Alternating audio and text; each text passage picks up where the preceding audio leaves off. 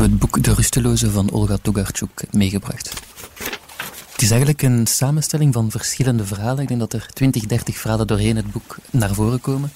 Uh, maar er is wel een rode draad dus tussen die verschillende verhalen.